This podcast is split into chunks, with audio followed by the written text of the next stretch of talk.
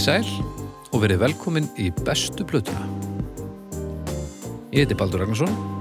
Ég er aðtakt upp. Ég er upptökustjóri og ég, er svona að reyna að stjórna þessu þætti eins og þið hafið mögulega heyrt. Það getur vel verið að þessi einhverja dettinn í fyrsta, fyrsta þátt, eh, sinn fyrsta bestu plötu þátt. Uh, þetta skýri sér nú allt saman. Við erum bara að tala um bestu plötu einhvers uh, listamanns sem að hann snæpjur bróðminn velur. Um, það eru mitt hjá mér tveir menn. Það er annars vegar Arnar Egert doktor Arnar Egert, hann er doktor í tónlistafræðum frá Edinborgar Háskóla í Skólandi og, og glæsimenni þar að ekki ólært glæsimenni. Og svo er það Snæbjörn Ragnarsson Um, hann er auðlýsingamógull ólærður með næst, meira meina öllu en ofbáslega góður í ýmsu þrátt fyrir það Ólært glæsimunni já, ég held að það sé bara Fallegt endak ekki, Jú. Já, takk Takk fyrir það hvað sé? Gott Herðu, við erum bara gríðarhessir sko. mm. Er það ekki? Jú Við erum grí mm, Deyrhessir Holy moly. wow. Þú ert nú ekki með doktor í húmór eða? Nei, nei, það var, það var Með, dok með doktor í húmór, segði það? Já, ég þér í svo dektor í hómor Já, ég tók, ég tók doktorinn í landa uh, Þið eru þokkalegir, það er gott. Þið eru klárið í þetta verkefni? Já, Já, já, þetta verður Þetta verður áhugavert. Ég veit, ég ég er henni gríðarlega blind í þennan sjó sko. Já, Það er hann ekki já, það er alltaf leið Þú er ekki að segja þetta alltaf Þegar ég byrja að segja mikið og snemma þá er allt svo reyður Já, Þannig Ég- að ég verð býða það. það er ágætt að þessi búin að læra. Verði ég, verði ég rosalega reyð? Nei, hann, þú ert ágættur Já, já, ok, já, já. Já, já. Já, Alltaf þegar ég byrja eitthvað Ó, sus. Þessi litlu völd sem ég tel mig hafa Ég ætla nú að heldur betur að Já, hann- blóðmjólka þau um leið og þið farið út af spórinu Akkurat. Þegiðu Anskot Já, Manstu þetta var gaman? Það sagði enginn að þetta vera gaman eða auðveld Þetta á að vera erfitt og leiðilegt. Það er rétt. Já. En þið eru hingað komin til þess að ræða plötu? Já, og í þetta skipti er það besta plata Green Day. Ef ekki er hann að vera eitthvað svona hérna, prófa eitthvað og, og, og tala um það sem er búið að gerast í vikunum svona. Herru, jú, já, ég meina, já, við náttúrulega erum með þá að læra á þetta. Á, þetta er ægilega rétt sko. Það er ímislegt að segja því. Það er Já, hljóðkirkjan er á fullu. Já, á það er öll, fullu. öll hinn podcastin maður já, Mhm. Hver var þessi hljóðkirkja? já segðu. Það Það er búin að spyrir. Já. Í gæri varst þú snæpjörn að að tala við hérna, Stórkostlega viðmælanda. Undislega viðmælega Sá þáttur Þátturinn, eh, hlaðvarsþátturinn Snæbjörn tala við fólk. Hann hóf göngu sína í síðustu viku. Alla fimmtudag, alla klukkan átta. Þannig að það er komið þrýr þættir í því og, og sömuleiðis uh, Klukkan eitthvað. Uh, í síðustu viku hóf líka göngu sína uh, draugar fortíðar Já. sem er ég og Flósi Þorgesson Mhm. og það eru komin þrýr þættir að því líka. Og svo nýjasti datti í hús núna á, á miðvikudag. Hann fjallar um stríð. Uh, Já, nei. Nei, hann fjallar um svo, svo miklu, miklu Jú, persónlegt stríð. Já, persónuleg stríð. Persónulegt stríð og, og persónulegt hérna, þetta er, þetta er eitt af finnasta sem ég veit um í heiminum þetta sem við tókum fyrir í sérsta þetta og hérna þið verðið bara að fara að tekka því að því að maðurinn sem er til umfjöllunar þetta er maður með, með stór plön og stóru drauma og hann lét vaða og hann glemdi aðeins að geima einn í útreikningum og þetta er, þetta er stórbrotið Já, hérna. Ég segi ekki meir, ég segi ekki meir. Og síðast liðum mánudag þá hérna kom dómstæður líka Herru, þið, þú ert með nýjan mannskap í dómstæði. Já, við hérna uh, við skiptum út. Það var hann uh, Eggert Hilmarsson hann hérna uh, dró, dró sig út úr þessu bara, bara sökum lífs Þið hafið ekkert pælt í því að setja Arnar bara í stað Hann- Þeir líta eiginlega alveg eins út þeir og svona- eru helvíti líkir. Svona hollingin og fata eitthvað. já, en sko Eddi er ekki alveg hann, hann er ekki alveg kannski, hann er aðeins svo mikill pælari kannski. Já, Eddi náttúrulega segir bara það sem hann dettur í hug. Ég held að hann noti bara svona fremstu 2 mm á heilanum og allt gerist þar og svo bara lekur út um munni já ég held að það sé rétt. Það er á rétt. Og ég held að Arnar sé að nota alveg 10% Já, getur verið. 10-11% 10-11% Þú er í skóla til þess að þjálfu upp þetta drasl allt saman. Bara En já, við erum með, með Birna Pétursdóttir. Já, er, það er- er er gott líka að fá eitthvað sem er ekki maður. Já, það er frábært. Og hún er alltaf bara hún er bara svo glæsileg. Já, þetta er mjög skemmtilegt. Já, er mjög, er gaman að- snúa dómstagsvélina aftur í gang. Já, ég verði nú að segja það Hljóðkirkjan, það er sko kirkja sem ég verði til að sækja. Er það ekki? Við erum að- búin að sækja um lóð og, og við ætlum að við ætlum að byggja stúdíó Æ, fyrir æ. alla landsmenn. Já, já, já. Æ, Mjög gott. Já, Þetta er mjög gott. Það ferði inn í svona söngklefa og getur tekið upp svona, eh, svona það sem, eh, hvað heitir þetta þegar um að skrifta, já, þegar maður segja prestur Já, um hvað maður gerði af sér og eitthvað. Já. það er bara einn mic og einn tölva og, og svo bara, svo vinn ég þetta eftir á og, og, og svo kemur podcastið Sindir mannana og, ég fleiti svona Podcasti Sindir mannana og ég svona fínt. hendi öllu því sem fólk vil ekki að neitt viti bara eitt þátt. Það hefur mjög Það verður vinsast í þátturinn. Það er um, á miðvikudöfum, hann er laus. Og Nei, þriðu, já, þriðudöfum, já, þriðudöfum er laus. Passa Allavega. Tala ekki af sér. Allavega, allavega. Já, mm. Green Day, Green Day? Besta plata Green Day Við erum konið til Kaliforníu, ekki í fyrsta skipti Nei, þetta litast nú aðeins af mínum áhuga sko. Þetta er minn þáttur uh, Hvar er heimstónlistin snæpið? Að því sögðu Eh, Þetta var ekki, sem sagt, þetta var ekki gaggrinni, sko Þetta var bara Já, svona já, flip, sko. þetta er Já, já, já. En auðvitað erum við á, á, á þeim tíma og þeim slóðum sem að svona höfðu áhrifin á mig sko. Að þessu sögðu skal það sagt strax sko að Green Day var aldrei mitt svona svona stóra stóra sko. það var hana, ég er alltaf fyllt þeim eftir sko og ég er ánæðið með Green Day. En, en, en, en þetta er var aldrei svona þetta var aldrei svona mitt mitt sko. Ok. Um, ef að fara eitthvað aðeins í söguna bara.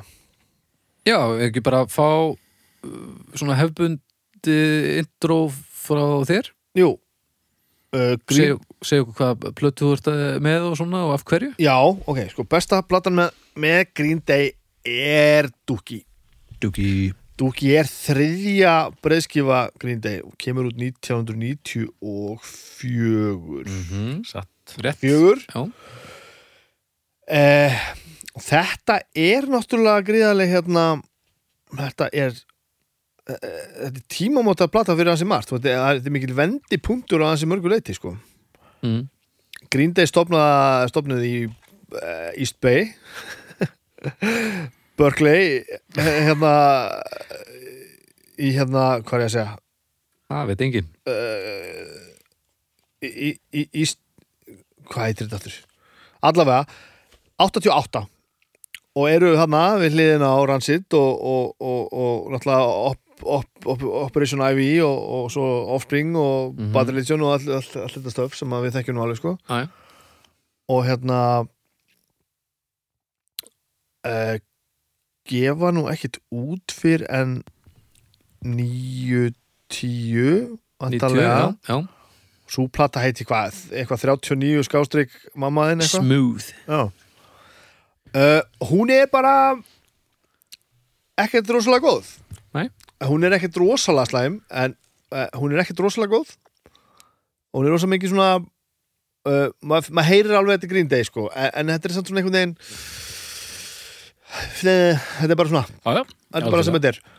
Uh, svo kemur Kerplunk. Já, besta nafnið. Kerplunk. Kerplank og Kerplunk er 1990 og Kerplank Eitt. eitt. Ári síðar. Og þar er eru þið búin að skipta um trommara þá er Trey Cool komin vi- við með kjöðana mm. og hann er rosalega góður á trommur. Já, og það hefði einhvern veginn svona þá fer bandi bara upp um svona, svona fimm stig sko. bæði náttúrulega eru þeir ekki lengur að því að þeir eru stopnaðir sko. Nei, eru vantar að stopna 87 að því að, að þeir eru ekki, já, þeir- bandið er stopnað 87 lítur að vera. Já. að því að, að því þá eru þeir sko 15 ára og þeir hann að Billy Joe mm og Mike Dirnt, Mike Durnt Dirnt Mhm. stopnuðu band- bandið 15 ára, eru búin að vera síðan sko. Og Kerplunk verður eðlilega uh, nær svolítið svona flugi sko. Og þeir fara að túra alveg á miljón og ægilega duglegir og þetta er ægilega mikið stuð. Og þeir eru partur af þessari legendary uh, bylgu sem varð á þessum, þessum klubbi sem heitir einhverju ægilega lungu nafni en alltaf kalla bara Gil hvað heitir þessi klubur eftir sem, að- sem voru allir að spila Rancid og Offspring og að maður munið hvað heitir? Gi- Gil, uh, Gi, Gi, Gi, Þarna Gil, Gilman. Gilman. Gilman, Gilman, það ekki? Gilman, ég ætla að segja Gilman. Það ekki? Og verða svona algjört fan favorite og að, þú veist, alltaf fullt að degir að spila á Gilman klubnum sko, ægilega svona, þetta svona ægilega svona true punk senu þeng sko fara svo túra þessa plötu Kerplunk og hún er svona einhverju, einhverju hérna, Plank Kerplunk Mhm. uh, nær svona ákveð, ákveðinu flugi og svo kemur þessi vendipunktur þar sem þeir eru í rauninni fyrsta svona bandið til þess að sæna á major label. Mhm. og sæna held ég á Reprise er það ekki? Það sé þetta verið, já. Sem er hann að Sinatra Satt sem að Sinatra stofnaði einhvern tíma 60s eða eitthvað. Mm. og Warner Brothers skipti svo bara þú veist, sex mánuðum setna eða eitthvað en alltaf legendary label fyrir það, fyrir það sækir það mm Repress. Það ekki, Passar. Gott og Approved. Hann nú er doktorinn að skoða plötuna mína í bak og fyrir. Og og baða ekki einu sinni um leifi þetta er fyrsta svona pop-punk bandið sko það er að tala um þessi tvö bönd hlið við hlið Green Day og Offspring. Þeir eru svolítið svona sitt hverjum yfir lækin. Eh, þeir sæna hérna á Reprise og gefa út þessa sem slæði gössalmi í gegn. Mm Offspring eru ennþá hjá Epitaph sem er þá hérna eh, indie label, ekki major label. Mm -hmm. gefa út Smash, bara eiginlega á sama tíma ekki 94 líka. Jú, það er sko þessi kemur út í februar og smassi í apríl held ég. Það er eitthvað svo leiðis og þessar plötu báðar slá gjörsamlega í gegn alveg sko, alveg, svona, báðar plötur eru svona monster hit sko. Mhm. það er ægileg gjáð þarna á milli og þess að punkararnir gjörsamlega fyrir litu Green Day fyrir að farið á, á, á major labelið Mhm. og og þeir voru bannaðir í Gilman en mátt ekki spila í Gilman klubnum mm.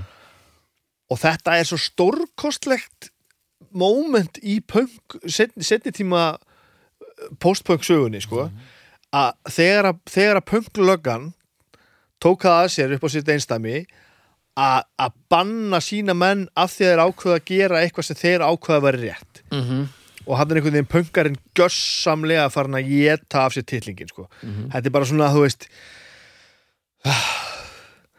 og þetta er svo ótrúlegt hvað er þetta að horfa á, á, á, á margt svona sem hefur einhvern veginn verið afskrifað og sendt bara svona einhvern veginn einhvern veginn, út í opinn döðan vegna þess að einhver annar en þú ákvaða að gera eitthvað. Herru, ég er henni með hljómsitt og ég ætla að gera þetta og allir aðri bara, ef að þú gerir þetta þá ætla ég að hætta að hlusta á þig.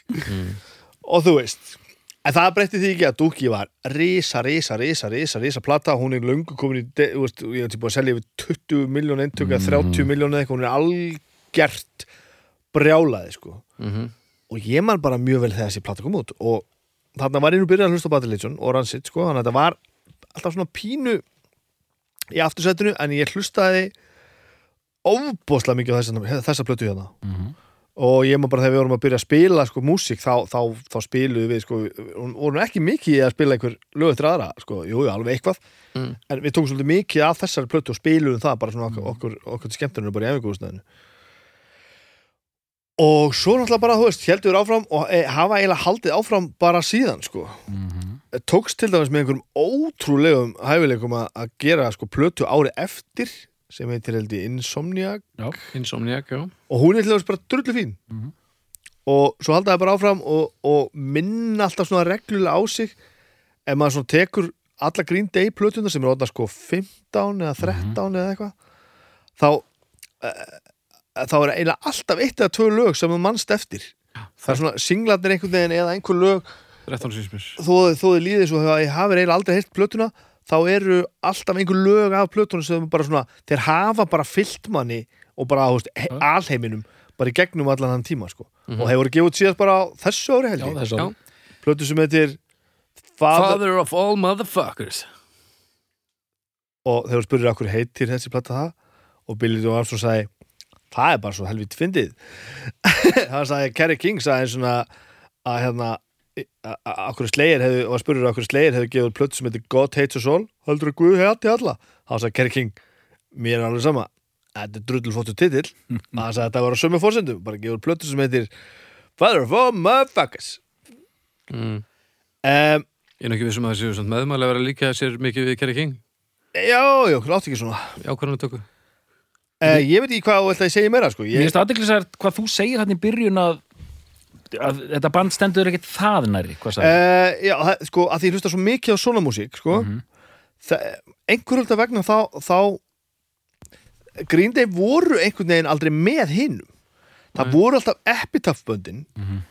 uh, og, það, og, og í kringu þau voru svo hana, Fat Records og, og hérna eh, hvað heit sænska leibúlið hérna Victory, nei hvað heit það? uh, Millikólin uh, allt þetta tengdist einhvern veginn allt saman en einhvern veginn var Green Day alltaf fyrir utan sko. Svo náttúrulega liði náttúrulega ekki nema einn platta og þá eru Offspring kominir á major label en, en, en samt einhvern veginn leiði manni alltaf eins og Green Day væru hinum megin við lækin sko.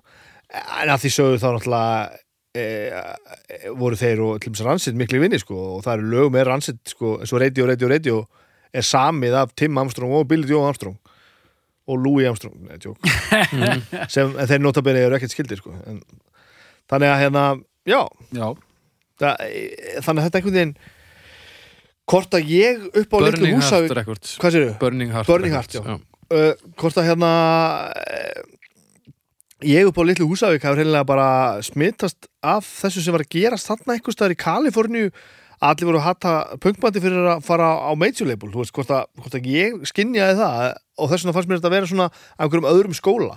Sko, mínu upplifun, ég er tíu ára. Já, Þegar þessi plata kemur út, þá verður það stór allavega heim húsæk að það er ekki sens að hlusta ekki mikið á hana. Já, já, já, Ef þú ert annar bara að hlusta tónlist með einhverjum, Já. þá hlustar mjög mikið á þessa plötu.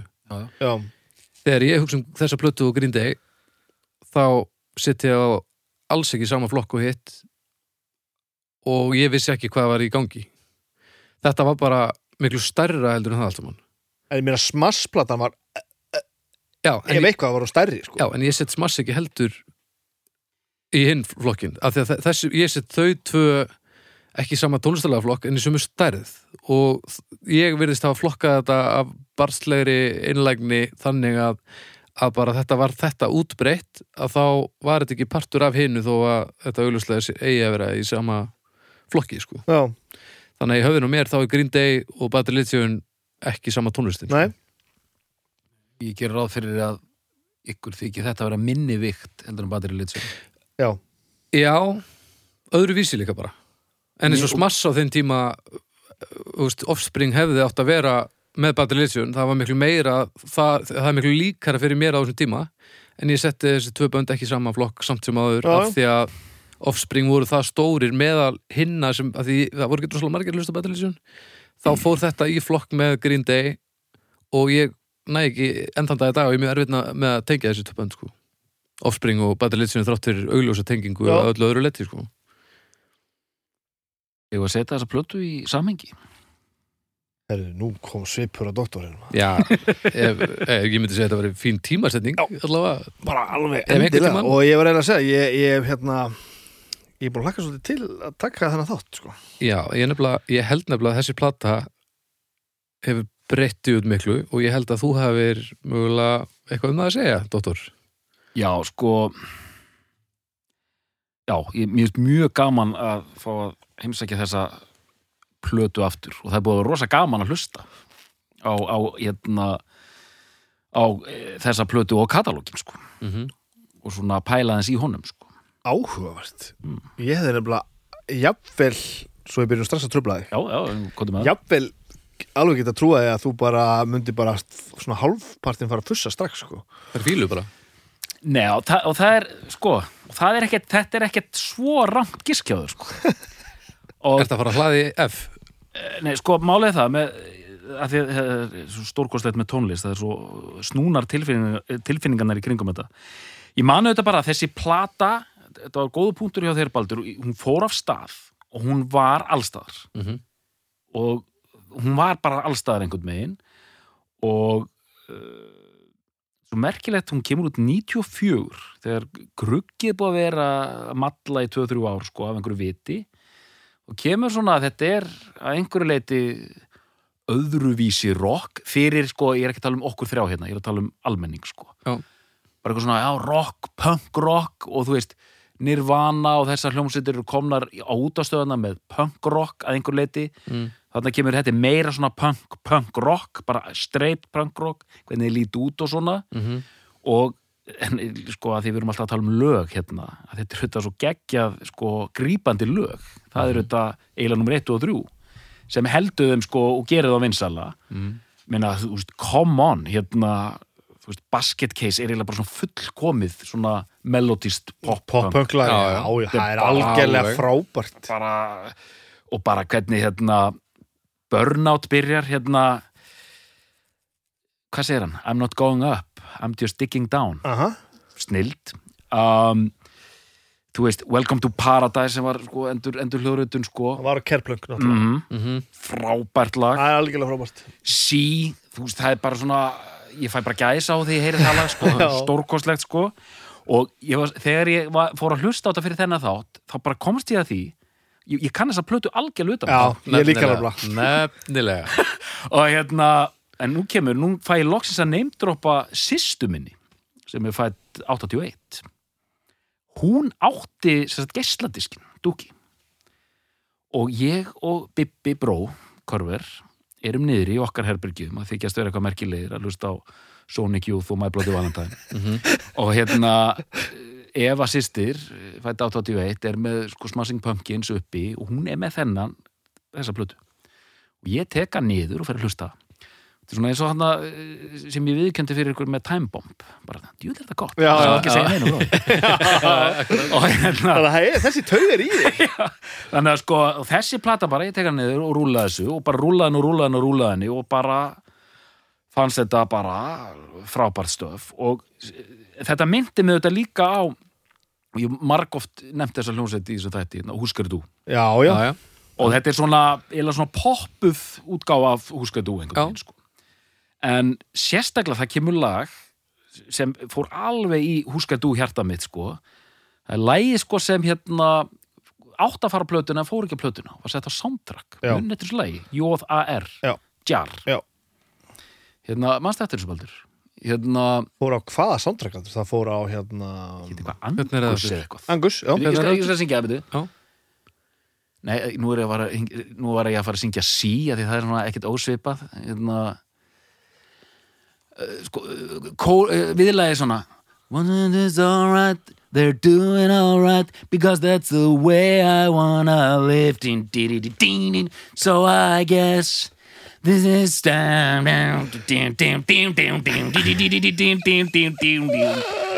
Marstu? Já, mann. Þetta er óbúin. Og bara svona klikkað, grípandi Já. en rosa líka tilfinningaþrungi lag sko. Já, fjallar hann um vin bassalegaran sem dó í bílslis eða eitthvað Já, og bara allt æðislegt sko. og hérna Það er að tala um bassalegaran og, og gera veit okkur Mike Durnt heiti Mike, Mike Durnt? Er þátt að þessu þá? Hann var kallaður Durnt af því að hann var alltaf að gera luftbassa þegar hann var krakki og alltaf svona Durnt, Durnt, Durnt, Durnt, Durnt, Durnt, Durnt, Durnt Það var bara kallaður Mike Durnt Það er við tveir tveir legendary húsvíkingar sem að sem að eru voru að- voru alltaf í vörubílalegg annar er kallaður Stjáni Rintis alltaf Rind já, og, og, og Bjössi hann var kallaður Bjössi Vöfu af því að hann var alltaf Vöfu Þannig að ef að Bjössi Vöfu, Stjáni Rintis og, og Mike Durnt myndi stofna hljómsveit þá myndi ég hlusta. Þá væri partí Rintis, jú, það er að fyndið og Djar byrjar einmitt með svona bassa hérna plokki sko. Já, Já, Durnt, Durnt. Og hérna og bara ótrúlega og ég var að horfa á svona horfa á að spila þetta á tónleikum bara núna nýlega sko, þessi lög sko og maður bara svona ok, bara hvað þetta er æðislegt sko. Og hérna, en það var alltaf nú er þetta stóra játningin hérna inn, inn í, inn í hérna hljóðkirkjunni hérna að- játa syndi sínar já, ég fekk að og nú kemur sko smá félagsfræði inn í þetta um, umhverfið ég fekk auðvitað að heyra það mjög mikið frá mínum hóp hvað þetta væri lélegt sko. Já. og hvað þetta væri mikið plast og fróða og svona sko. Þannig að það, það var alveg miskunnarlaust alltaf sko þeir settir svona og, og, ég, alltaf að heyra þessa setningu já, veist, þetta er fyrir fólk sem heldur að Green Day sé punk mm, að því að eitthvað annað punk er miklu meira punk Já, já. og, og allt þetta kjaftaði sko. Pönglögan komin punklökan alltaf mætt Já, þarna nákvæmlega. um, þannig að þetta ég þetta alveg frábært sko en ég man að því að nú er ég einmitt búin að strauja allan ferilinn bara uh, það sem koma á eftir þessu Mhm. og eins og þú lýsir alveg rétt fyrstu plötunar eru bara svona bara aðeins svo stífar einhvern megin að vanta bara þarna hittaði bara á eitthvað pop swing sko sem bara, bara virkar. Alltaf að fá þennan pró, ofurpródusent sko. mm Hann er alltaf hann að Rob Ca- Cavallo eða hvað hann heitir. En að því ég man sem alltaf búin að eftir gera allan andskotan síðan sko. þeir gefa út þarna Nimrod sem er svona, hún er aðeins svona dekkri en þessi vantar svona smá grallara feeling. Það er fymtablatan og það er, hún kemur út bara beint ári eftir þessi, þessa, þessa Rob Cavallo. Nim- Nimrod, Er ekki 95 Insomniac undan það? já, já, fyrirgjöðu, fyrirgjöðu, Insomniac meinti ég. Já, um kemur 95 Við erum að tala um Rob Cavallo um daginn og hann mixaði hvað anskotar plötu voru að tala, tala um? Hann mixaði blötu ah, Já, fyrir ekki það mikið já, en sko að því að Nimrod sem kom út 97 mm ég man eftir fyrsta vídjónu við lag af þeirri plötu þar sem þeir eru svona lappa á trommuleikarni með svona hérna, Marching Drum já, svona marching drum og þeir eru svona að lappa uh, Já, þetta er hérna ah, hvað er þetta? pæl, digginga dört eða eitthvað ertu með Nimrod þarna fyrir fram að þig Ó, hvað heit þetta? aftur? uh, Ég skal finna hana Hvaða lag var þetta? aftur? það var hérna, þetta er annarkvort fyrsti singullin eða annar singullin og lagið heitir uh, Fyrsti singull var Hits in a Ride Annar var Good Riddance Time Já, of Your Life Time of Life, life. Nei, þetta er ekki það þetta er Hits in a Þetta Ride er Hits and Right Hits já. and a Ride. já. ég man svo vel því ég sá þetta lag að því að þarna eru þeir mjög greinilega og bara auðheiranlega er að fara aðeins út fyrir þetta box Já, og, og líka náttúrulega Time of Your Life ég meina, það, já, já og ég mitt Time of Your Life sem er svona mitt flott Kassa geta drifið svona, já. bara hérna varðelda lag sko og bara, Something unpredictable in the end is right en sko þetta Hits in a Ride sem er hérna sem mér fannst að því ég man bara ég hugsa þetta.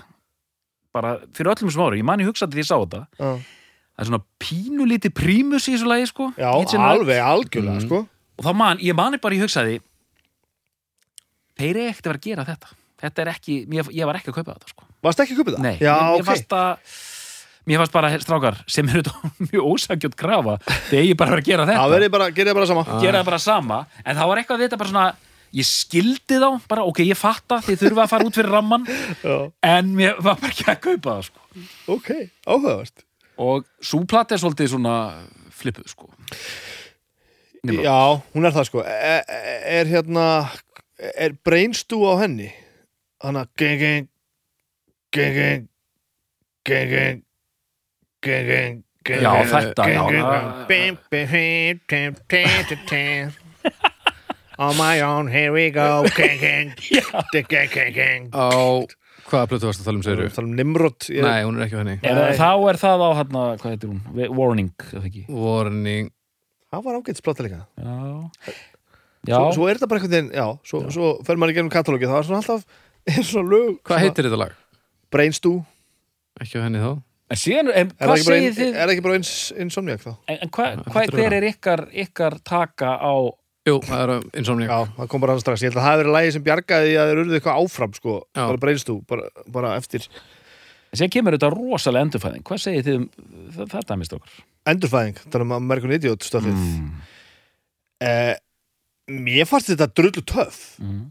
Mér finnst það líka töff bara að þú veist að komast eiginlega upp með að gera þetta Mm -hmm. Þetta er náttúrulega einhver svona, að veist ég er ekki sögt mér hún í söguþráðin þetta er náttúrulega einhver svona konceptplata alveg já. bara, bara til, til, dauða er ekki Rockopera. Já, rock opera sem hefur síðan verið sett upp og allt sko. Já. Eh, þú veist eh, eh, í raunveruleikanum er þetta ekkert þú veist, þetta er engar stórkostlar uppeyjur sko. Mm, nei, nei, nei, nei. en, en það er eitthvað að það, þú veist, og mögulega er þetta ákveðið hérna, element í þeim, þetta eru hundra ár síðan þetta var stopnað, þeir eru búin að vera starfandi í hundrað ár, hundrað. Réttæflega, 100, já, Já. þetta eru 33 ár sko, síðan þetta var stopnað mögulega er þetta líkillinn að þeir eru svona eins og séu svona endur uppkvæmta sér svona alltaf eitthvað svona pínu. Það er eitthvað svona Ég varst einmitt sko, á meðan ég er að dissa sko þessa prímustilurinu þeirra, þá fannst mér einmitt sko, mér finnst þetta American Idiot rosalega svona, einmitt tilkomi I mikið. wanna be the American idiot. Og bara, ég sagði bara, eru þið virkilega að púla þetta sko, þið eru búin að gera þetta Tommy rock óperu, en þið eru alveg að punka sko, og hérna, og þeir eru komin í þess að fáranlega stöð að vera sko þryggja punktríó já og eru bara að spila á, leikvöngum sko. Já, þetta er eh, rosalega skrítið að sjá þetta gerast. Mm -hmm. Öll þessi einföldu lög sem einhvern veginn, þú veist, er hægt að spila bara onni Rassvarsanum á sig, sko, Já, já.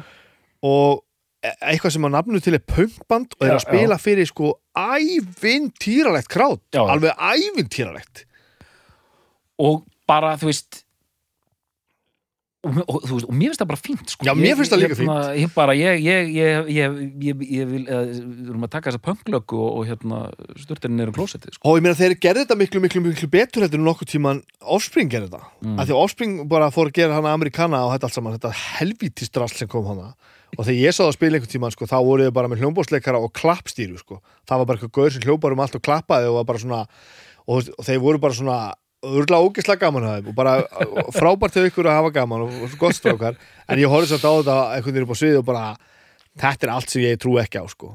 En kannski voru við bara á, á, á sko, sex mánuða fyllir í að túra, bara gott hjá ykkur og ef ykkur leið vel með það, frábært. En gríndegi er einhvern veginn bara alltaf gríndegi, sko.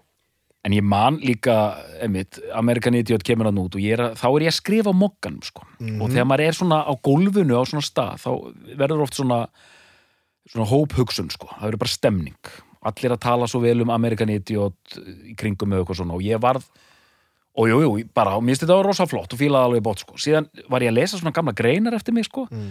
þá tek ég, af því að það kom svona American Idiot nánast hérna, setni hluti, hérna 21st Century Breakdown Já, þá las ég einhverja grein eftir mig þar sem ég bara að tala um þetta sem bara eitthvað stórkostlegt mistarverk sko.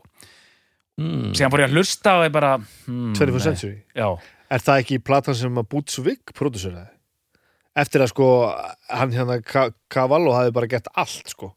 Bara, ja, þeir, þeir gerðu bara tíu plötur röð með honum. Ég held að Boots Vig hafi gert þannig það var svona eins og bara ok, American Idiot, hvað hefur að gera næst? Heyrðu, ef við ekki bara gera eitthvað svipa næst? Jú, gerum nýtt konsept um eitthvað kærustu par eða eitthvað sko. Ó, og ég bara þarna Ég einhver, þekki það ekki vel. Nei, og ég bara einhverju deadline þarna á mokkanum með einhverjum Green Day feeling sko og skrifa einhverjar hérna, lofræður um þessa plötu ég, ég, ég held ég held hún eigi, ekkert inni fyrir því sko. Þú er að leiður rétt að gamla syndir Já, hérna. er þetta gamla syndir. Síðan, Skrifta í hljóðkirkjunni. Já, já, þetta er, þetta er að virka. Síðan straujaði hans í gegnum þetta þetta er búið að vera, kom plata hana Revolution Radio, eitthvað Uno Dos Tres og allt þetta, ég ætla bara að segja ykkur hérna eitt, ég hlustaði þess að á þessa nýjustu plötu. Já, það er ekki gott, það er ekki gott. Það er Það nefnilega algjört djöfusi strasl bara ég, bara what? Já, Hú, Já, það, bara- það er bara er- ekkert varið í hana. Þetta er bara 26 sek- mínútur af leiðindum sko. Og ég hugsaði bara, býtu, af hverju þurfið þið hérna að gera e, af hverju þurfið þið að gera einhverja White Stripes plötu, einhverja Jack White plötu? Þetta er rosa skytið já, þetta er bara, og þá, þú veist, þessi bönd eins og hérna Mumford and Sons uh, Kings of Leon uh, White Stripes Black Keys á einhverju tímapunkti fyrir þetta alltaf hljóma eins. Hverju setur White Stripes í þennan hræðilega flokk? Býtur, rólegur Hérna. Að hérna setjum það aðeins til í- hérna, já, setjum það aðeins til hliðar í smástund öll þessi bönd fara að spila einhvers konar svona generic bland leikvangarokk og þetta hljómar allt eins þessi nýja plata hljómar eins og einhver skonar hérna ömuleg blanda af öllu þessu sko. White Stripes, ég er að hugsa um ég er örugglega meira að hugsa um Black Keys en ég er að hugsa um þessar nýju líka sólóplötur hans Jack White Já mögulega það. Ég skal gefa þér það. Ekki White Stripes. Ef við skulum aðeins bakka með White Stripes. Tek það tilbaka. Þetta var hérna þetta var, hvað heitir þetta? Eitthvað, En ég man sko, skamhlup man alveg eftir ég að ég var þessi, þessi plastpöngari sko að hlusta á, einmitt, þú veist en það var einhvern veginn skárra að hlusta á Legion þegar fær, færri vissi hvað það var þá pínu Já. meira underground sko. Mhm. maður var hallærislega ef maður hlusta á, á Dookie og Smash. Mm. Offspring og Green Day var svona það var of mainstream sko og allir hérna alvöru þeir sem hlustuðu bara á, á, á, á Ramones og Sex Pistols eða eitthvað rosa þung, þung, þungar og bara Ég er nefnilega rétt slepp sko. Ég Já. er akkurat nógu ungur til þess að það voru allir til ég að hlusta á þetta því þetta var skemmtilegt. Og þetta var bara alvör mál. Það var bara fullt af bessivissurum sem fannst þetta bara fucking asnalegt. Mm. og það er alveg merkilegur anskoti sko En að því það er alveg að taka dúki og mér er að segja bara svo umslæð þetta er svona smá bedtime for democracy feelingur hann sko. Já. Mm. að, einmitt, að orðið skemmtilegt á bara mjög vel við hérna. Þetta er bara Það skemmtileg skemmtilegt. Og þetta er drullu gott maður. Já, og sándar þetta ekki eðlilega vel sko. Hún sándar ævintýralega vel. Já.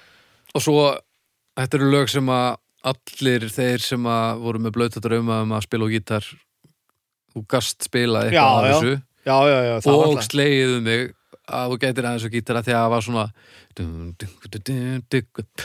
Já, já, svona, svona svo- off-hug og svona, svona svona, svona pínu svona að, þetta er kannski létt en ég er að negla. Og þeir eru svona snjallir. Ertu með bassa hérna? Uh, kontrabassa, já. Latur. Og hljóðdæmi sko. Þetta er bara gítar og loka Já, tökum bara, tökum bara lagið hérna. Eins eins og hérna þetta hérna þetta- Samsangur. ertu með nögl Bátur? þetta hérna Nei, ég er ekki með nögl. Þetta hérna spila þetta bara naglalöst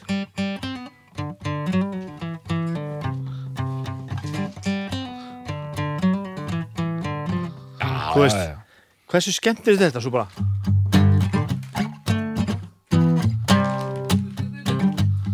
I've heard it all before. Þú veist-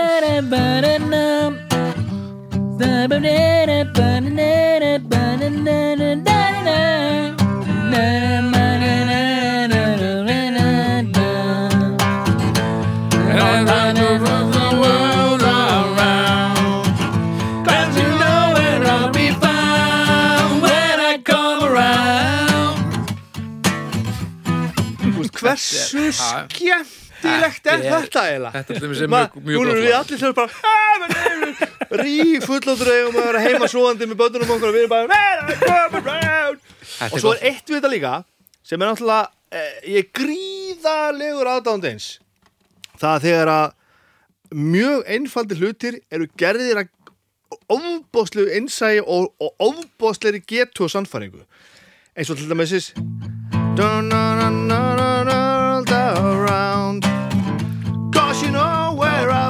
Svo kemur sko trommubrek sem er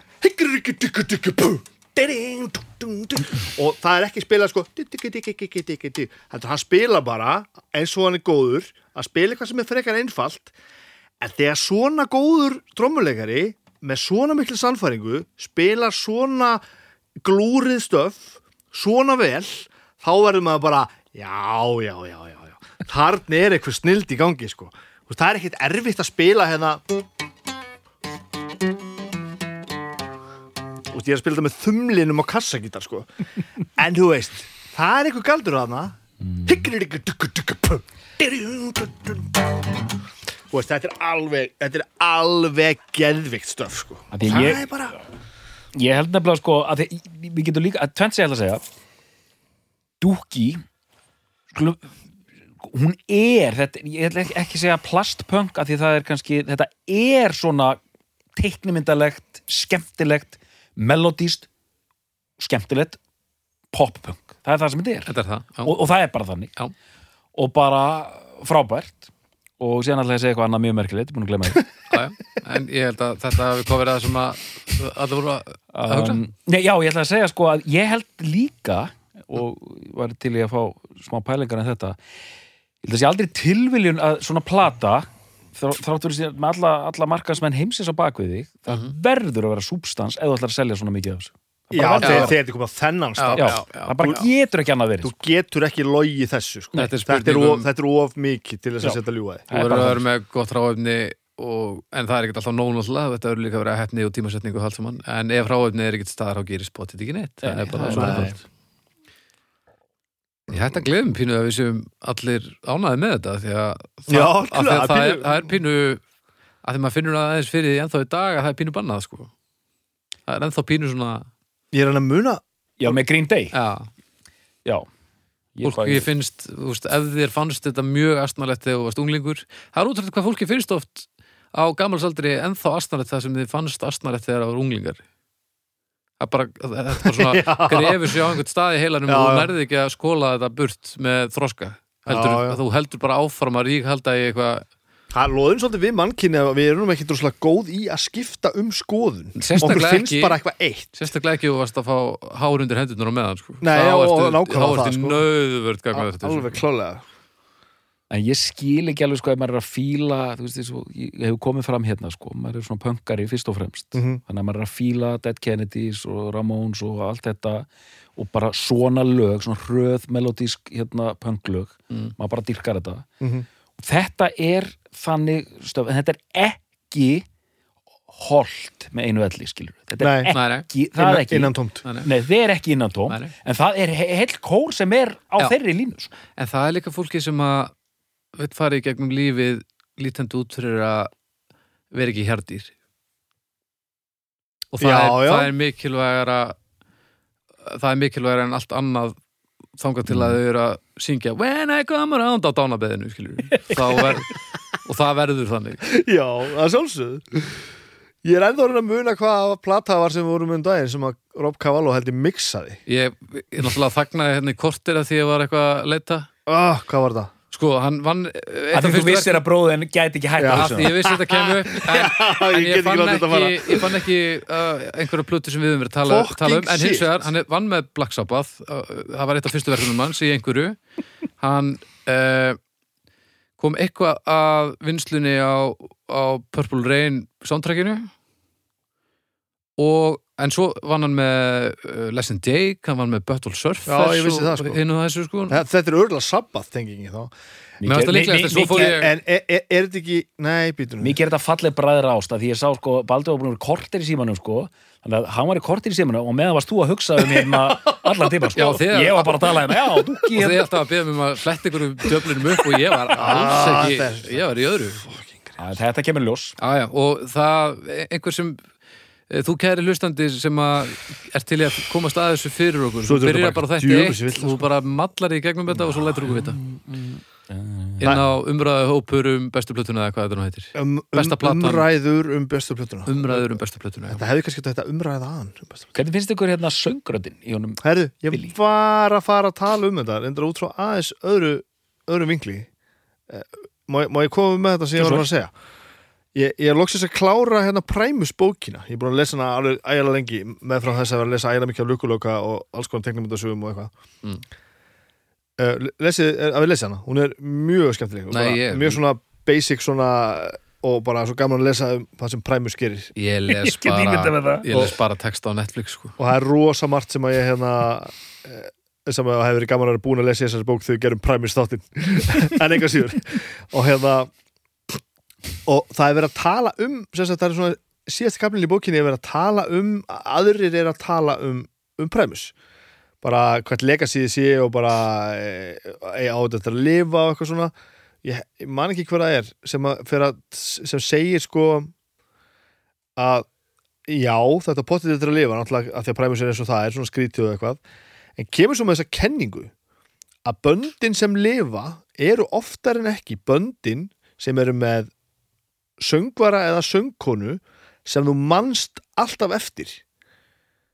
Þessi Mhm. frontur þessi flutningur af textanum og það sem að þú ert að svona raula með þessi svona fremsta melodía sem gerir svona, sem er svona svolítið kannski andlitið á músikinni mm er það sem þú mannst eftir. Og náttúrulega eins og með Primus, náttúrulega Les Claypool náttúrulega þessi ofbóðslega svona aug, augljós, það er enginn eins og hann sko.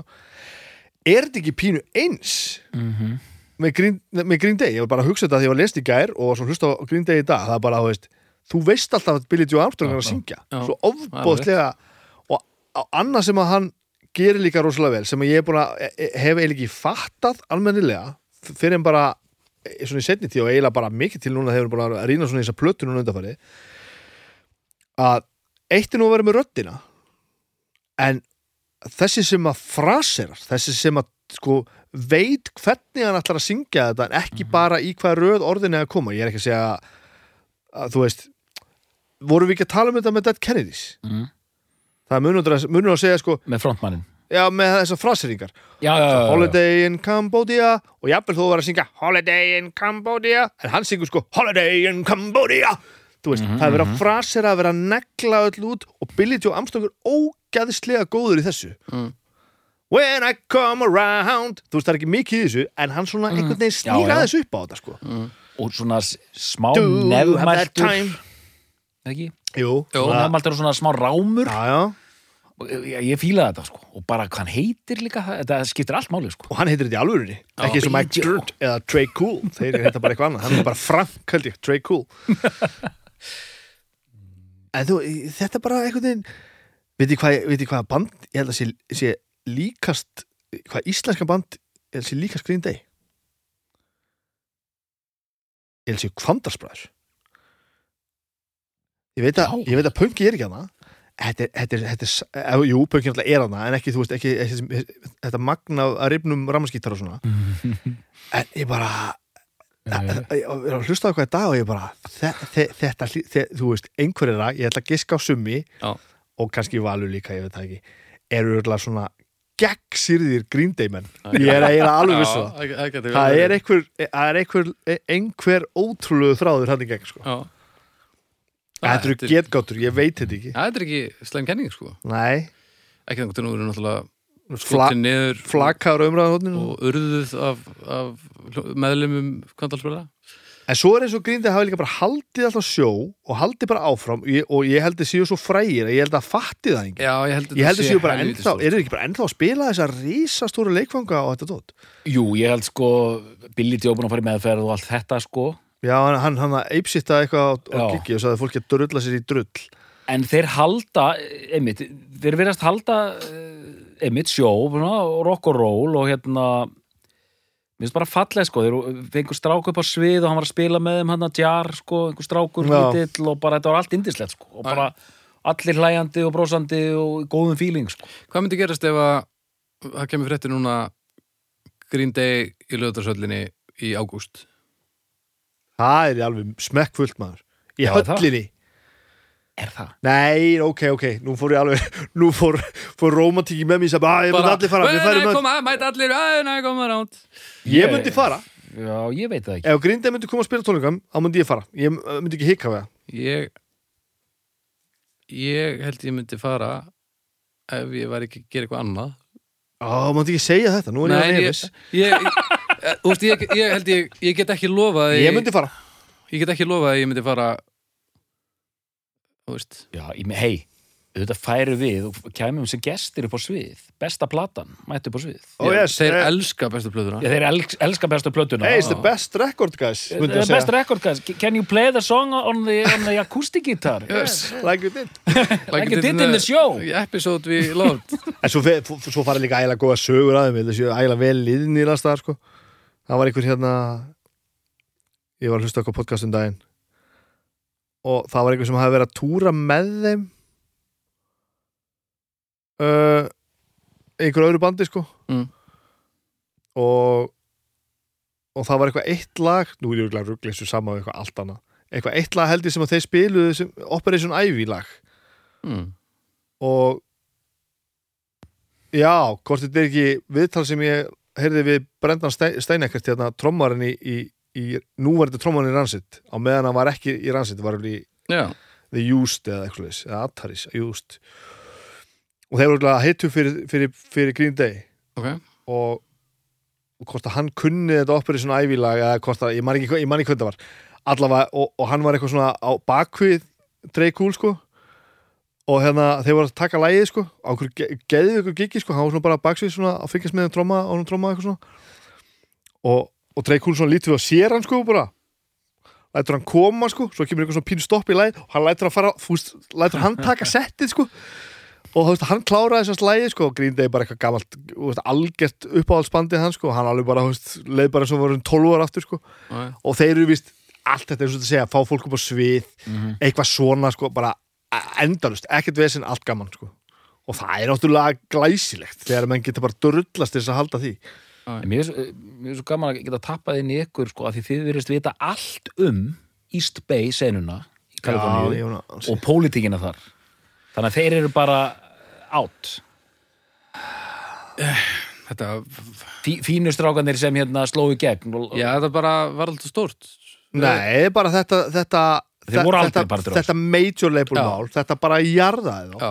Að því að nú reyðhjóla þema í þessum þætti hérna það er eitthvað stað quote eftir Bill Joe Armstrong. All that I could do was just get on my bike and go as far as I could or something.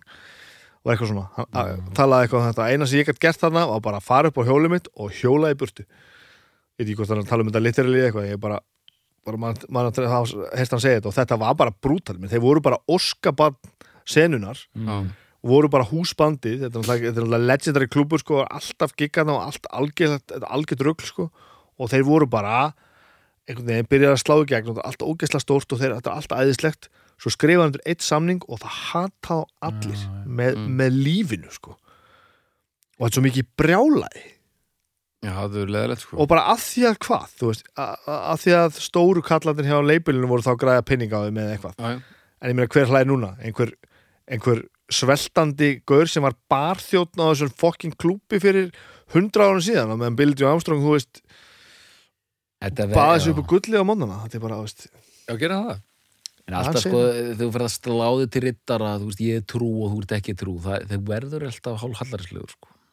Bara það er ekki hægt að spila black metal nema að það sé svona og svona og svona, og maður bara, hey, Já, whatever dude, sko. Slappa það bara af, sko. nú er mér kenningu, doktor Mm. mér finnst e, þa- þetta, þetta virðist loða svolítið við sko fyrst kemur eitthvað fyrst kemur punk Mhm. Og svo kemur önnur kynnslóð punksins og þá verða fyrstu gaurarnir reyðir Já. svo kemur þriða kynnslóðin og þá erum við sirka sloppin fattaru fyrst koma trúpunkarnir Mhm. svo koma einhverjir aðri sem ætla að fara, næsta að fara að gera punk Mhm. og, og, og það verður aðeins öðruvísi og svona, þú Mhm. veist, eh, kannski oft, oftar en ekki aðeins aðgengilegra af því að þú veist, já, já, það sem er óaðgengilegt er fyrir fáa. Og svo koma fleiri sem finna eitthvað í þessu sem er fyrir fáa og búa til útgáfa því sem er fyrir fleiri og þá finnst þessum Já. orginal þessu orginalliði eins og það sé verið að kommersialisera þetta heilaga sem þeir gerðu Mhm. þegar ekki verið að gera neitt annað heldur en bara að búa til eitthvað annað þeir brjálast og verða eitthvað sína klædnar og segja að þetta sé hérna ömurinn vegna þess að það sé búið að skemma þetta the true thing Já, já. og svo er svona eins og það kemur þriða kynslu það sem er búið að taka þetta enn lengra að þá er eins og við tökum þetta allt saman í sátt og þá er eins og fyrsta kynslu að sé orðin pínu hallaræslega sko. Mm. En er ekki, þetta ekki meina sko að þriðja kynnslóðan fer þá að spila músík eins og fyrsta kynnslóðan? nei, þá kannski er þetta kannski líka bara orðið svolítið jú, kannski líka það Já, en, en, en upprunalega kenning var að þriðja kynnslóðan var að fara að spila eitthvað enn annað. já, og, og, og, og svona búin að taka allt hitt í sátt Já, já, já. þú sér eins og sko orginal skandinavi black metalin Já. Og svo fórum menn eitthvað aðeins að þinna það út og þá var alltaf allt brjálað sko en svo kom bara kvelentak Mm já, já. sem er bara þriðja afleiðan af black metalinu já, og þá eru er- er... er allir orðinir bara rólegir, sko. Mm, það er ekkert allir rólegið með kvöldtak Er það ekki? Nei, nei, nei, nei, nei, en kannski black Þetta metal er- er líka svolítið öfgafullt En þú veist, Það er ég öfgafullt sé dæmi, sko. Það er alltaf eitthvað sem byrjar og uh, þegar að x mörgum finnst það frábært sérstaklega ef það er ekkert sérstaklega stór ópur þá verður fólk rosalega heiti svo kemur næsta kynsluð, þá er uh, basic að hata það og þá kemur ný kynsluð sem elskar það og svo, svo hatar bara næstu kynsluð þetta er bara, já, kannski er þetta er það bara bara, bara kemur- stegagangu Sen kemur eins og punkið, sko, Sex Pistols, Ramones og, og hérna, þetta 77 lið kemur, þá er það trú. Sen kemur svona post-punk, 78-79 og jafnvel, sko, New Wave, sko, Elvis Costello Já. og svona lið sem ná einmitt að koma þess inn á inn í. Já, og- en ná líka að koma þess inn í, inn í útvarpið og selja. Þá kemur þriðja dæmið sem er einmitt, sko, eins og þetta, þú veist, Discharge og Exploited og þetta já, bara þetta er trú en það er samt ekkit alveg eins og tónlistin var sem Sex Pistols og þeir voru nei, að nei, gera. nei þetta er bara eitthvað alveg nýtt en þeir eru sko á þess að heiga jafnvel innistæði fyrir þeir eru þeir samt einhver svona kindilberðar Já. hins sanna anda punksins sem þeir eru bara að skilgreina sjálfur sko. já, já, já Já, Svo líka eitt sem að til dæmis, við erum nú í þungarokkljómsveit mm. Og, og svo ko- koma alvöru þungarokklun til okkar og segja bara þetta er ekkert alvöru er bara, veist, bara, þetta er bara fyrst létt og melodist og bara, þetta er bara pop. Og svarið við því er náttúrulega bara uh, já. Þú veist hvað, ert að reyna að kippa mér inn yfir í þitt lið sem er svona gróthart og rosa true til þess að segja mér að ég sé ekki að gera það? Að því að ég er bara að gera það sem þú ert að lýsa. Ég, ég er bara að búa til þessa tónlist ég er ekkert að reyna að vera ómelodískur og láta 13 manns hlusta með einhverjum underground klubi í Tjekklandi sko. ég, ég er bara að spila tónlistina mína hér og þetta er það sem ég er að gera. Bara, þetta er ekkert alveg þungarokk bara, uh, ok. Þetta er svo Siggi í forgarinu þegar, þegar Death gáð út popplötuna Spiritual Healing þá bara gæti hann ekki meira. Það er, er hart þannig erum við að hlusta með hjartanu sko. þetta er svona að beðra bara hristi hausin yfir þessu sko. allt og poppað en eitt samt tvílaði að þú þú tala um hvað þessi nýja grindiplata er leðileg mm. að viðtölum við á kringum hana voru æðisleg Mm. þeim var alveg dörröllu sama sko. alveg dörrull sama þannig að þú veist, ég heldur að hafi bara ákveðið ég, það hljómar svona eins og hafi bara gert þessa plötu bara á svona þú, bara á svona viku og, veist, og þeir gerir ekki svona nýtt cover tóku bara American Idiot coverið og spreyjuðu bara eitthvað svona yfir það. Já. Þú veist, eh, American Idiot, e eitthvað, gammalt cover, ég held að vera það. Mm. og, og bara það, en þessi tónlist er hann er al, þetta er bara, þú eru að tjekka á þessu Já, bara, þetta er bara- furðulega þetta er bara alveg umulegt ég eitt hef ég aldrei hægt mér út í kannski bara að, því bara ég fannst það eitthvað að vera svo ójöfustíðan það eru þessi, þessi, þessi, þessi hérna þríleikur hana, já, já. uno, dos, Já. tres hana, já, hvernig er það? ég spændi gegnum þetta og spæ, já, spændi. Spændi. Spændi. Uno, dos, tres, spændi. Uh, veist, þetta, það var alveg sko, og líka spændi gegnum það þrend og þarna Revolution Echo Radio. Þetta ljóma bara fínt sko. Já, það var ennþá, hann syngur alltaf öðru sér að segja nýjustu plötu með svona, já, rosa, já, já, já. svona fjarlægt einhvern Ég veginn, verð að tekka á þessu bara hallarislegt en unnvöldan stress, það var bara stuð. Já, bara fínt, ok. Ekkert að þessu. Já. flott. Já, en það er gott, að því ég bara pæli hvað hafi gæst þarna, þannig að síðast. Og ég fíla það eiginlega betur sko að því við erum með hérna Dúki og það dæmi sko. Mhm. ég er ekki að fíla þetta Nimrod dæmi þarna. Nei. og þú veist ok og flott þarna American Idiot en þetta Uno Dos Stress var svolítið svona back to the roots. Já, já. ég var að fíla það sko Ég skal sér tekka á því, ég bara hefur reynilega ekki bara... bara svona ótrúlega snappi sko það komu allar út sko bara sama hausti sko Já, bara, en allt stóra plötur sko það er það er vel gert og, og, góða, sko. og oftast ekki góðu mynd Nei. En hann hefur náttúrulega, Bill Joe, augljóslega rosalegt nef fyrir skemmtilegu. Hann semur bara skemmtilegt og skemmtilegt og meira skemmtilegt og eitthvað bara, maður fara alltaf á heilan bara, bara í marga vikur, sko. Það er náttúrulega rosalegur hæfileik að geta gert þetta í þessu... hann er líka með geðvett cameo-ról í myndinni hérna This is 40 eftir Judd Apatow, hafið þið séð það? Hvað gerðist núna? Nei, Judd Apatow gerði hérna uh, 40 Year Old Virgin já. og svona, hérna, Freaks and Geeks hérna, ekki þættir sko frábærir og hann gerir og, hérna, og Knocked Up gerir það líka sko, sem gerir hérna Judd Apatow mynd sem heitir This is 40 og þið að því þið eru nú sko, nú verðandi tvekja barnafæðir, þú tvekja barnafæðir Mhm. This is 40 fjallar sér um, um, um hérna hjón sem eru komin að færtusaldur og eiga tvö börn og hérna, þetta er uppáhaldsmyndir hjá mér um óhauði, sko. Við horfum á hana oft saman, sko. Þetta er svona Ok. okkar mynd, sko. Ok, ok Mjög fyndin, sko. Og löng. Og bara, ég elska þessa mynd, sko. mjög fyndin og löng. Bara eins og dýrhendir Um, löng og ógeðslega fyndin. Ok, Allavega. Já. Nema hvað? Uh, eitt þessum plottum er það að, að hérna, munið þetta, kannast þetta ná, Graham Parker. Það var svona New Wave, svona Elvis Costello típa, sko. Uh, hann er sem sagt Gaurinn sem er í aðalhauturingin hann er svona, hann rekur lítið hérna útgáfumerki og er að reyna að koma Graham Parker á framfæri, Graham Parker er svona varósafrægur og hann er svona að reyna að koma um aftur, aftur framfæri sko. og hérna er svona gömul new wave hetja sko. Og þetta gerist í Los Angeles. En þá er einn maður í bænum Gömul New Wave, hetja. Já svona gömul nýbylgju hetja Gömul nýbylgu hetja en þá er hérna Talandi minnutópu Bilgju, hetja þá er einn, einn maður hann í bænum sem er, er Graham, gamall Graham Parker fan. Maður í bænum sko. Og þá er það okkar maður sko. Já, já, Það hljóma svo eitthvað svona Little Britain já. já. Og, og, og hérna og þannig að Billy Joe er mættur hann þetta er bara svona big budget Hollywood mynd sko. Og Billy Joe er bara mættur hann og er eitthvað að hanga hann með Graham Parker og, og fýblast eitthvað. Er hann að Sem leika hann sjálfur, já. eða? Já, leikur sjálfur hann bara, veist, það er rosa stress fyrir tónleikana. Shit, ertu búin að kalla alla blaðmennina, ertu búin að fá alla hérna hákallana frá fyrirtækinum já, eru, fekk líka Billy Joe hérna á Green Day til að koma. Hann, hann er vist fan, ok? Og síðan er Billy Joe hann að fylgjast með. Og síðan bara kemur hann eftir tónleikana hey Graham, hey, let's hang out og eitthvað svona, og bara gerir þetta mjög vel. Okay. en öll þessi langa saga er til að segja það að það eru bloopers úr myndinni mm. atrið sem voru ekki notuð sem ég og Móður eru búin að horfa á öll nokkur sinnum. Eftir þessa löngu mynd þá Eftir horfum þess að við á- lengum minn Bíddu, Fá, þurf- Fáum aldrei nóg. Þurfum við að horfa á eitthvað special edition eða er það í, svona, í endan á myndinni alltaf bara?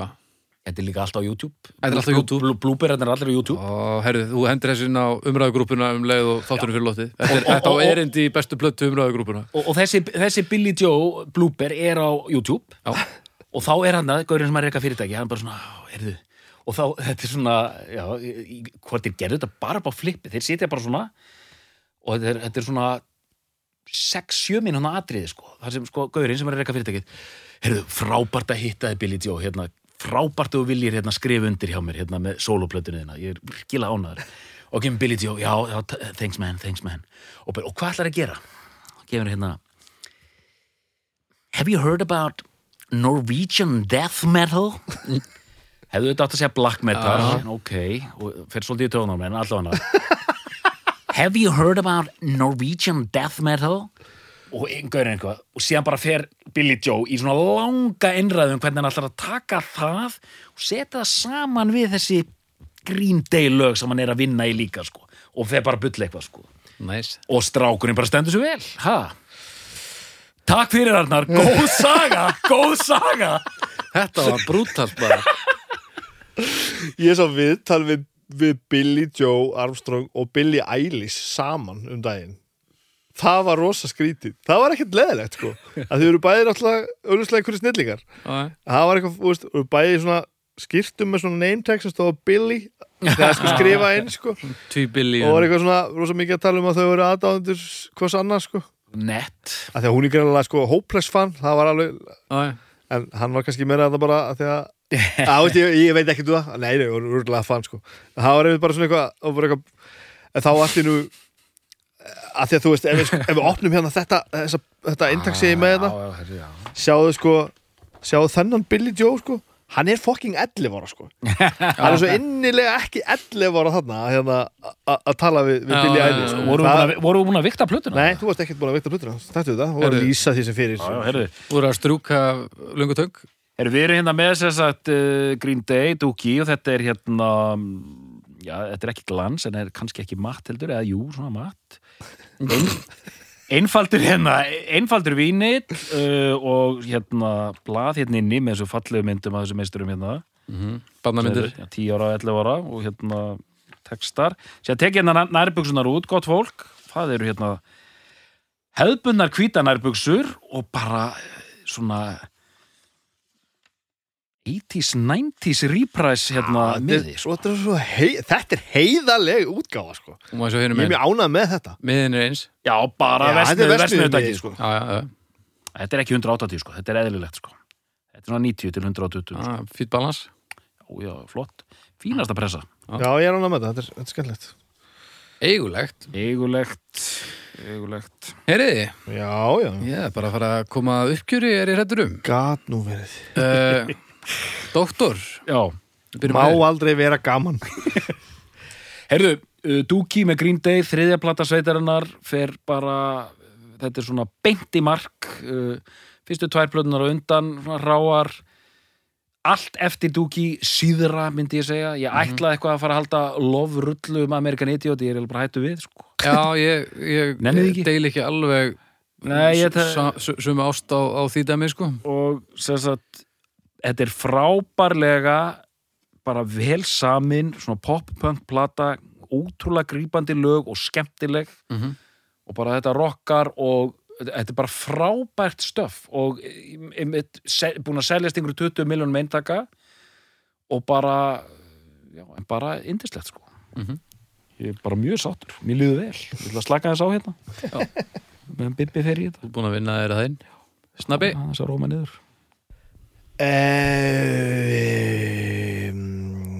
þetta er skemmtileg plata sko. Og hún var eiginlega hérna og þetta er gaman að hlusta á hann núna. Hún, hérna, hún hljómar eiginlega betur með myndi. Og, hún sándar djöflu og hún sándar nefnilega alveg frábær. Hún sándar þetta svo vel sko það er náttúrulega búið að taka gítarsándið á henni náttúrulega og, og, og klóna magnaran og það er sko gítarpedal sem heitir Dukki þú veist, þetta er alveg svona gítarsándið á henni er alveg legendary já, sko. já. Og hérna uh, hún er rosalega ég, ég held að við séum með dæmið þarna um plötu það sem að við erum að hitta á það að einhver er ekki orðin frægur og er svolítið svona að gera þetta þú veist, mm bara á eigin, eigin verleikum og, og, og með hjarta á réttum stað sko, mm. en samt er allt gert svona full force Já, þú veist, þetta er svona grunnar hún sér gerð svona með einhvern, einhvern, einhvern, einhvern, einhverja von um einhvern meik eða eitthvað svona, þú veist, eitthvað gangi vel svolítið eins og nevermind sko.